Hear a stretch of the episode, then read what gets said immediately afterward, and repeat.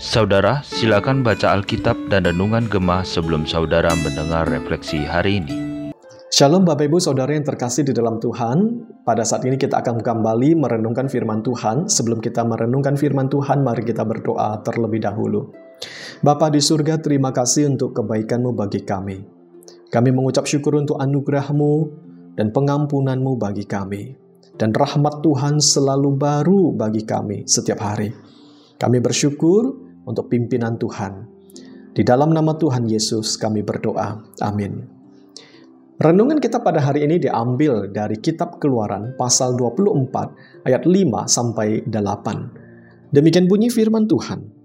Kemudian disuruhnyalah orang-orang muda dari bangsa Israel, maka mereka mempersembahkan korban bakaran dan menyembeli lembu-lembu jantan sebagai korban keselamatan kepada Tuhan Sesudah itu Musa mengambil sebagian dari darah itu, lalu ditaruhnya ke dalam pasu, sebagian lagi dari darah itu disiramkannya pada mesbah itu.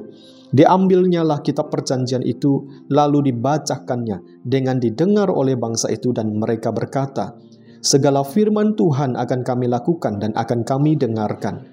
Kemudian Musa mengambil darah itu dan menyiramkannya pada bangsa itu serta berkata, Inilah darah perjanjian yang diadakan Tuhan dengan kamu berdasarkan segala firman ini. Amin.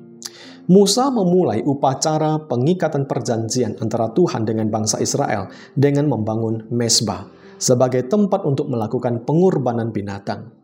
Pembangunan mesbah ini penting karena orang berdosa hanya bisa menyembah Allah yang suci berdasarkan pengorbanan binatang atau penumpahan darah.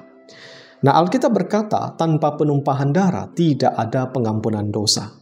Ketika Nuh dan para bapa leluhur menyembah Tuhan, mereka selalu memulainya dengan membangun mesbah. Mereka mempersembahkan kurban binatang dan ada penumpahan darah. Musa menyuruh orang-orang muda dari bangsa Israel untuk mempersembahkan kurban bakaran dan menyembeli lembu-lembu jantan sebagai kurban keselamatan kepada Tuhan. Binatang yang dijadikan kurban bakaran ini dilalap oleh api tanpa ada yang tersisa. Pengorbanan ini melambangkan pendamaian yang penuh atas dosa. Darah selalu menjadi dasar hubungan kita dengan Tuhan. Saat ini sebagai orang percaya kita tidak perlu menyembeli lembu-lembu jantan sebagai kurban keselamatan kita, sebab Allah telah menyediakan penggantinya, yaitu Yesus Kristus. Yesus Kristus telah mengorbankan dirinya sekali untuk selamanya.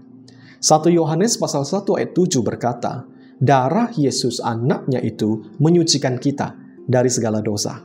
Ada beberapa hal yang bisa kita pelajari di sini. Yang pertama, keselamatan itu bukan datang dari dalam, tetapi dari luar yaitu datang dari Allah Bapa.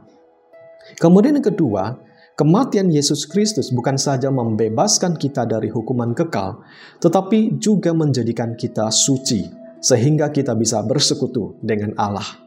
Kemudian yang ketiga, darah Yesus Kristus menyucikan kita dari segala dosa.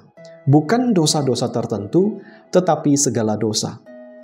Apakah saat ini Anda sedang bertanya-tanya apakah dosa Anda yang Anda perbuat tahun lalu atau bulan lalu atau hari kemarin bisa diampuni oleh Allah. Alkitab berkata, darah Yesus anaknya itu menyucikan kita dari segala dosa.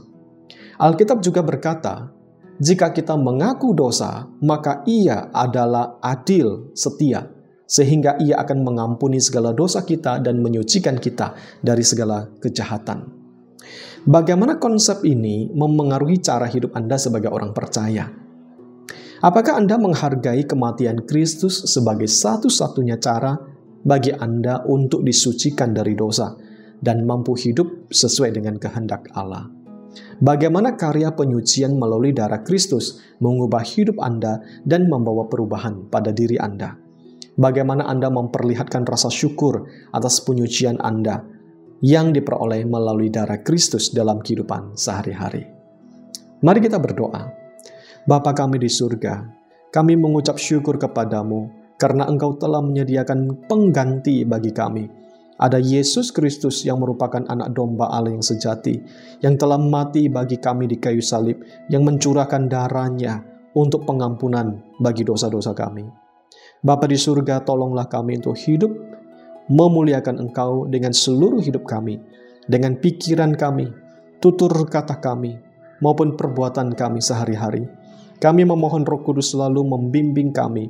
Roh Kudus menggunakan firman Tuhan yang sering kami baca setiap hari, ataupun firman Tuhan yang sering kami dengar di rumah Tuhan.